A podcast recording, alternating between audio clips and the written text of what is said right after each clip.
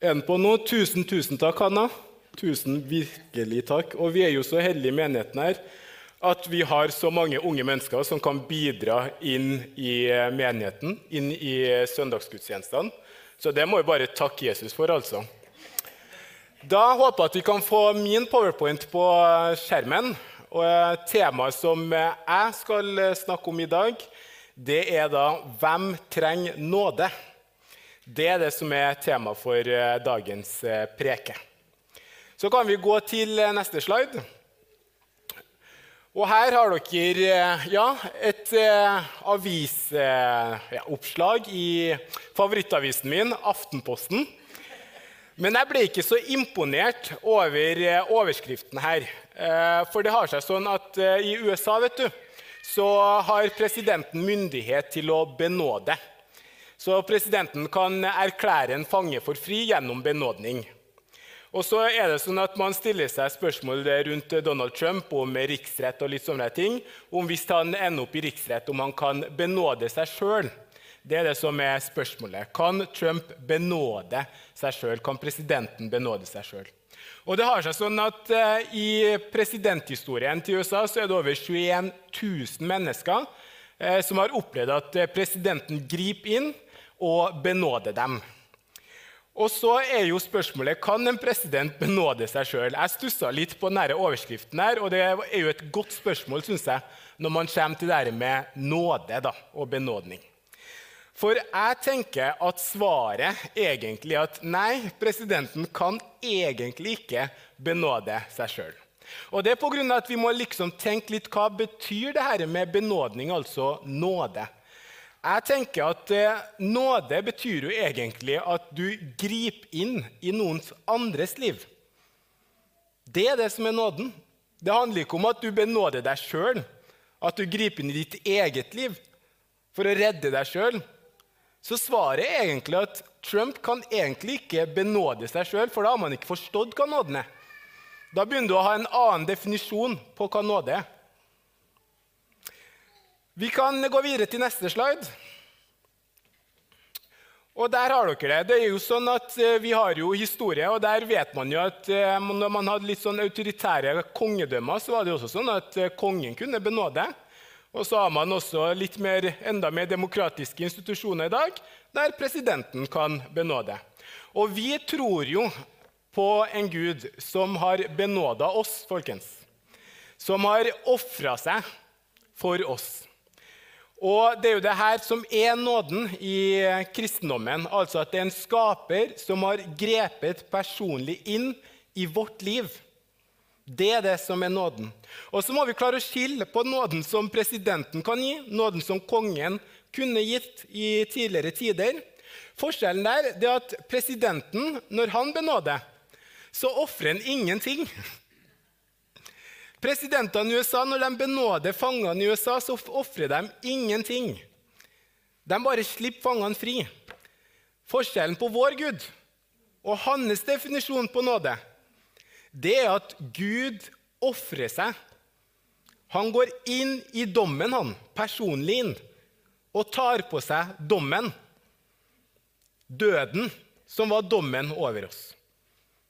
Det er noe helt annet enn at man bare slipper noen fri. Der har dere nåden, og at det er personlig inngrep der Gud sjøl går inn i dommen og ofrer seg sjøl.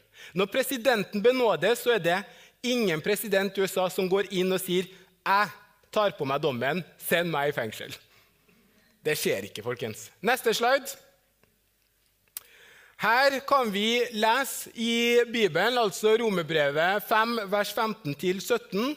Der beskriver jo eh, Paulus at eh, nåden det er på en måte en redningspakke.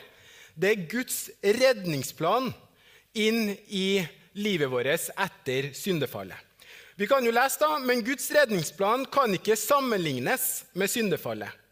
For ett menneske førte til et brudd mellom menneske og Gud, altså vårt forhold med Gud.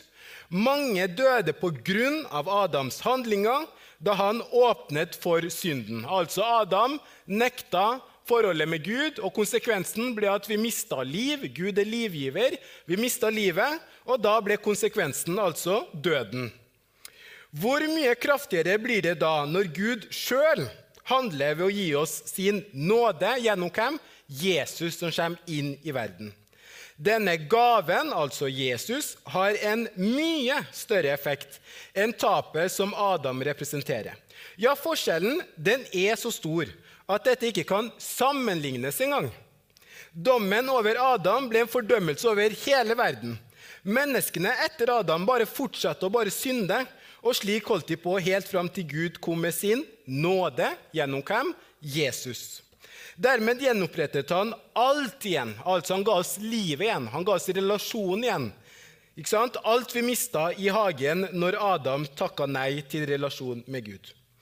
Synden til den ene mannen, altså Adam, førte til at alle ble dømt til å dø. Vi mista livet pga. at vi nekta å ha relasjon med han som ga oss livet. Men synden til alle mennesker førte til at Gud viste oss nåde og tilga oss. Ikke sant? Gud har overflod av nåde som han velvillig deler ut til alle mennesker som tar imot Jesu offer. Og her kommer det igjen. Jesu ofrer seg sjøl. Der har dere nåden. De skal ha hva? Liv, for det var det vi mista, og herske ved den ene Jesus. Så kan vi gå til, videre til neste slag, slide. Og der er det 'Hvem trenger nåde?' Og her så er det jo fortelling om eh, ei dame eh, som har blitt eh, tatt på fersken eh, pga. at hun har brutt ekteskapet, altså vært utro. Og da er det jo noen menn som er svært interessert i det her. da. Vi har jo noe som heter Gossip Girl, men her i Bibelen så kan vi faktisk lese om gossipmenn. altså. Så de kommer jo med denne gossipen fremfor Jesus og legger den fram til Jesus. Og sier at ja, eh, Moseloven sier at eh, hun her fortjener dødsstraff. Vi må steine henne. Hva sier du til det her, da, Jesus? Og så står det videre, da. Eh, til slutt så reiste Jesus seg opp etter de her gossipmennene her. Bare fortsatte og fortsatte og skulle pushe Jesus til å gi et ordentlig svar på det her. Så til slutt reiste Jesus seg opp og så på dem og sa:" Den av dere som aldri har gjort en synd, kan kaste den første steinen på henne. Så satte han seg ned igjen og eh, fortsatte å skrive i sanden. De, de, som hørte det Jesus hadde sagt, begynte å ransake seg sjøl. Og det er jo det som er det fine med oss mennesker. Altså at vi, også, vi har også et moralsk kompass, og Bibelen beskriver det her. Så menneskene her, altså gossipmennene her, de begynte å kjenne på sitt moralske kompass og begynte å tenke ja, er jeg så perfekt at jeg kan eh, gi dødsstraff, at jeg kan steine denne kvinnen her? Er jeg så perfekt? Og så finner de ut at nei, jeg er faktisk ikke så perfekt. Jeg er ikke så perfekt at jeg kan begynne å dømme andre mennesker som er rundt meg. Så perfekt er jeg ikke. Og så, Hva er det vi leser videre? Eh, de, leser, de som, hørte, eh, de som hørte, eh, hørte, det Jesus hadde sagt, begynte å ransake seg sjøl, og de kjente at samvittigheten den gnagde. For de var ikke syndefrie. ikke sant? Ingen mennesker her er syndefrie. Bare Jesus er syndefri. Derfor gikk de bort én etter én. De eldste gikk først, og den andre fulgte etter. Til slutt, vet du, så sto bare kvinnen igjen alene foran Jesus. Og Det er det her som er det fantastiske igjen med nåden. Nåden den er personlig, folkens. Når de her gossipmennene har gått fra situasjonen der de vil fortelle gossip til Jesus, så går de bort, og så står det her at kvinnen står alene med Jesus. Jesus er personlig, han. Han vil ikke begynne å fortelle det som angår deg og han, foran alle andre, foran en forsamling. Dette er personlig. Kun kvinnen og Jesus står igjen.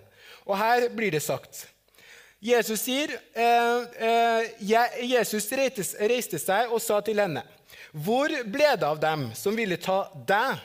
'Ville ingen av dem dømme deg?' Hun sa, 'Ikke én, Herre.' Jesus sa til henne, 'Jeg vil heller ikke dømme deg. Gå bort, men synd ikke mer.' Der har dere ei dame som tar imot Jesu nåde, Jesu tilgivelse. Den som faktisk kunne dømme henne, Jesus som er syndefri, sier heller ikke 'dømme deg'. Synd ikke med. Gå bort. Neste slide. så er det sånn at vi mennesker vi har et ego, og det egoet der kan vi lese om i Mosebøkene, om eh, syndefallet som finnes der eh, gjennom Adam.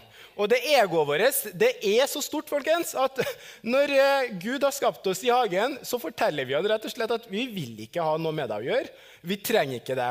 Så vi takker nei til han som har gitt oss livet, han som har satt oss i et paradis der det bare er godt. Det fortelles jo at Gud så at alt var godt. Men allikevel så har mennesket noe som heter ego, som bare driver oss bort fra Gud. Så kan vi gå videre til neste slide. Da er det også sånn at eh, vi kan slå opp i eh, Johannesevangeliet, eh, kapittel 13, eh, vers 6-9. Eh, den kjenner dere jo veldig godt til, veldig godt til fra før av, så jeg tar den bare kjapp igjennom her. Der er det jo en situasjon. Jesus innstifter nattverden. Vi har jo hatt nattverd i dag, og det var jo helt fantastisk. Men her kan vi dypdykke litt inn hva som skjer i denne nattverden som Jesus sjøl innstifter. Jesus han vasker disiplene sine føtter. Deretter fyller han vann i fat, så bøyer han seg ned og begynner å vaske disiplenes føtter og tørke dem med håndkle. Da han kom til Simon Peter, sa han til Jesus, 'Herre, det kan da ikke være riktig at du skal vaske føttene mine? Jesus sa til ham, det eh, jeg gjør, forstår du ikke, men du kommer til å forstå det senere. Så Simon, altså Peter, han forstår ikke at eh, det som faktisk er riktig, er at Simon Peter, du trenger en herre, du trenger Jesus til å vaske deg ren. Det er kun ett menneske som kan vaske deg ren og det er Jesus.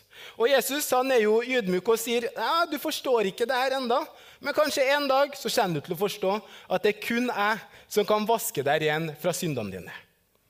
Men Peter protesterte. Aldri i evigheten om du skal vaske føttene mine. Men da svarte Jesus, hvis ikke jeg får vaske føttene dine, kan ikke, kan ikke kan, da kan ikke jeg ha noe med deg å gjøre. For det er sånn at vi må ta imot Jesus som vasker føttene våre. Det er sånn vi blir syndefrie og rene. Og Romerbrevet 5 der står det i vers 1-2, det vi har på skjermen Da vi altså har blitt rene for Gud på grunn av tro, har vi fred med Gud på grunn av hva? Av vår Herre Jesus. Jesus har vaska føttene til alle sammen. Det er det som skjedde på nattverden. Ved troen på ham har vi fått oppleve Guds nåde, folkens. Ja, vi står midt oppi den. Nåden den er ny hver eneste dag. Bibelen beskriver at vi står midt oppi den. Den er tilstedeværende i livet vårt fordi Jesus har stått opp, og han er til stede med sin nåde i livet vårt. Så nåden er ikke noe du kan miste. Vi står midt oppi den. Nå kan vi glede oss over håpet om at vi skal få være med Gud i hans herlighet. Så nåden det er et godt budskap, og det skal være en glede i livet vårt. Neste slide. Så har vi da Paulus da, i Romerbrevet 6, vers 1-5, som skriver videre da. Ja, vi har fått nåden fra Jesus, og han er jo en knallgod teolog, teolog så han spør da hva skal vi da si? Skal vi fortsette å synde, slik at Gud kan bare vise sin nåde og tilgi oss gang på gang? Så sier han nei, da har dere fremdeles ikke forstått hva nåden er. Nei, selvsagt ikke. Vi kan ikke på den ene siden ha Jesus som Herre og ta imot tilgivelsen gjennom hans død, og samtidig ukritisk fortsette å gjøre ting som vi vet er galt. Folkens, Når vi har tatt imot Jesu nåde, så skjer det noe med egoet vårt. Det forandres noe inn i oss. Vi får tro på en skaper som er god. Og når du tror på Jesu nåde som bare er godt, så vil du bli et bedre menneske. Hvorfor det? Fordi du får Jesus som din rollemodell i livet.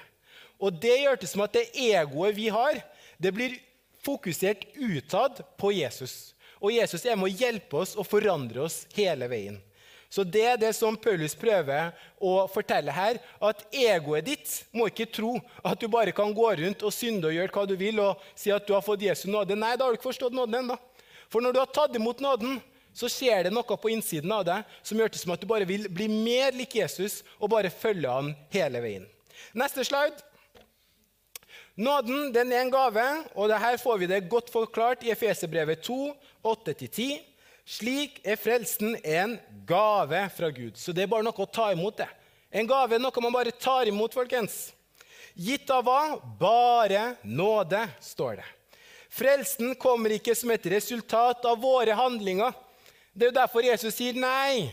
Simon Peter, du kan ikke vaske deg sjøl. Du kan ikke vaske meg. Det er ingen handlinger som gjør deg ren.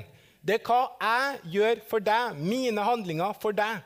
At det er jeg som vasker deg, at det er jeg som ofrer meg for deg, og at det er jeg som dør på korset for deg, og at det er jeg som står opp fra de døde for deg. Så du kan ikke gjøre noen ting. Du kan ikke frelse deg sjøl. Du trenger kun meg i ditt liv. Derfor kan ingen skryte av at de, selv, at de, av at de selv har gjort noe som helst for å bidra til sin egen frelse. Folkens, Bibelen vet at det er noen mennesker som elsker å skryte. Men her blir fortalt det er ingenting å skryte av. altså. Det er ingenting å skryte av. Er det noen du skal skryte av, så er det Jesus sjøl, altså. Det er sånn det henger sammen. Vi er skapt av Gud, og vi er Hans verk. Derfor er vi beredt til å gjøre hva? Gode gjerninger. Hvorfor det? For vi har tatt imot nåden. Nåden kommer til å hjelpe oss til å gjøre gode handlinger inn i livet vårt. Som Gud har hva? På forhånd bestemt for oss, slik at vi skulle vandre i dem. Hvorfor skal vi vandre i dem? Jo, fordi livet er med Jesus. Vi vandrer et liv med Jesus. Neste slide. Og der er siste slide, så jeg håper at folk er våken. Nåden den har gitt oss evig liv fordi Jesus, Gud, er evig. Henger dere med på det? Johannes evangeliet 3, 16-17, der står det For Gud har elsket verden så høyt at han ga sin eneste sønn, for at alle som tror på ham, ikke skal gå fortapt. Å gå fortapt det betyr at du lever et liv uten Jesus. Og når du lever et liv uten Jesus, da er fortapelsen døden. Det er det som skjer. Men få evig liv, står det, folkens. Evig liv. For Gud sendte, sendte, ikke sin sønn til verden for å dømme den. Hvorfor det? Jo, fordi Gud vet at det er nok fordømmelse i verden. Og vi er flinke til å fordømme oss sjøl, og vi er flinke til å fordømme andre. Så vi trenger ikke Gud til å begynne å fordømme oss. Vi trenger Guds frelse i verden. Men for å redde verdens mennesker. Vi kan tenke sånn her, Det jeg starta med, presidentene i USA Gjennom tidene så har de gitt benådning til 21 000 mennesker. Jesus han har benåda og gitt nåde til hele menneskeheten. Det er en stor forskjell. For Gud sendte ikke sin sønn til verden for å dømme, men for å redde verdens, eh, verdens, mennesker. Den som velger å tro på ham, kommer ikke til å bli dømt. Altså, du trenger ikke å være redd for Jesu fordømmelse, for han har dødd på korset for deg. Men som den som ikke tror på ham, altså ikke har tatt imot nåden, har allerede fått sin dom, og den venter. Hva er det, Hva er det vi venter på? Døden, folkens. Vi er alle døende. Så Bibelen forteller det. Men den som ikke tror på han, har allerede en dom som venter, fordi han valgte å ikke tro på Guds eneste sønn. Du valgte bort å tro på at Jesus har ofra seg for deg, og at han elsker deg og vil gi deg evig liv. Disse menneskene har ikke skjønt det. Det er det som er problemet. De har ikke skjønt det ennå. De har ikke skjønt at det fins en redningspakke det fins en Jesus som har gitt deg evig liv. Det er bare å ta imot. Disse menneskene har ikke skjønt at redningen ligger i troen på Jesu navn. Kjære far, jeg takker deg for nåden. Takker deg for at du kom personlig inn i livet vårt. Takker deg for at du er en nådefull Gud. Takker deg for at nåden din den er overflod. Den er i overflod til oss takker deg for at vi alltid kan feire nattverd. Takker deg for at du alltid har bedt oss om å minnes nattverden, og at den skal vi feire så ofte vi kan. Og takker deg for at nattverden, der er det bare å komme og ta imot. For du har gjort alt klart gjennom korset. Og vi takker deg for at vi kan leve et evig liv med deg, som allerede har starta her på jorda. Og at du bare skal lede oss videre gjennom din nåde inn i evigheten. Vi takker deg for at din nåde den fornyer oss. Du gjør det som at vi blir født på ny, og at vi har fokuset vendt mot deg. Tusen takk for det, Jesus. Amen. Hei, og takk for at du har sett på eh, en tale fra Betel Trondheim. Nå kanskje du sitter igjen med spørsmål og et behov for å snakke med noen. Da er du hjertelig velkommen til å ta kontakt med oss. Du er også hjertelig velkommen til å komme og ta del av gudstjenestene vår, eller det som skjer i ungdomsarbeidet eh, i kirka vår. Jeg tenkte at jeg hadde lyst til å avslutte med å lyse Herrens velsignelse. Så vær så god, ta imot. Herren velsigne det og bevare det. Herren la sitt ansikt lyse over det og være det nådig.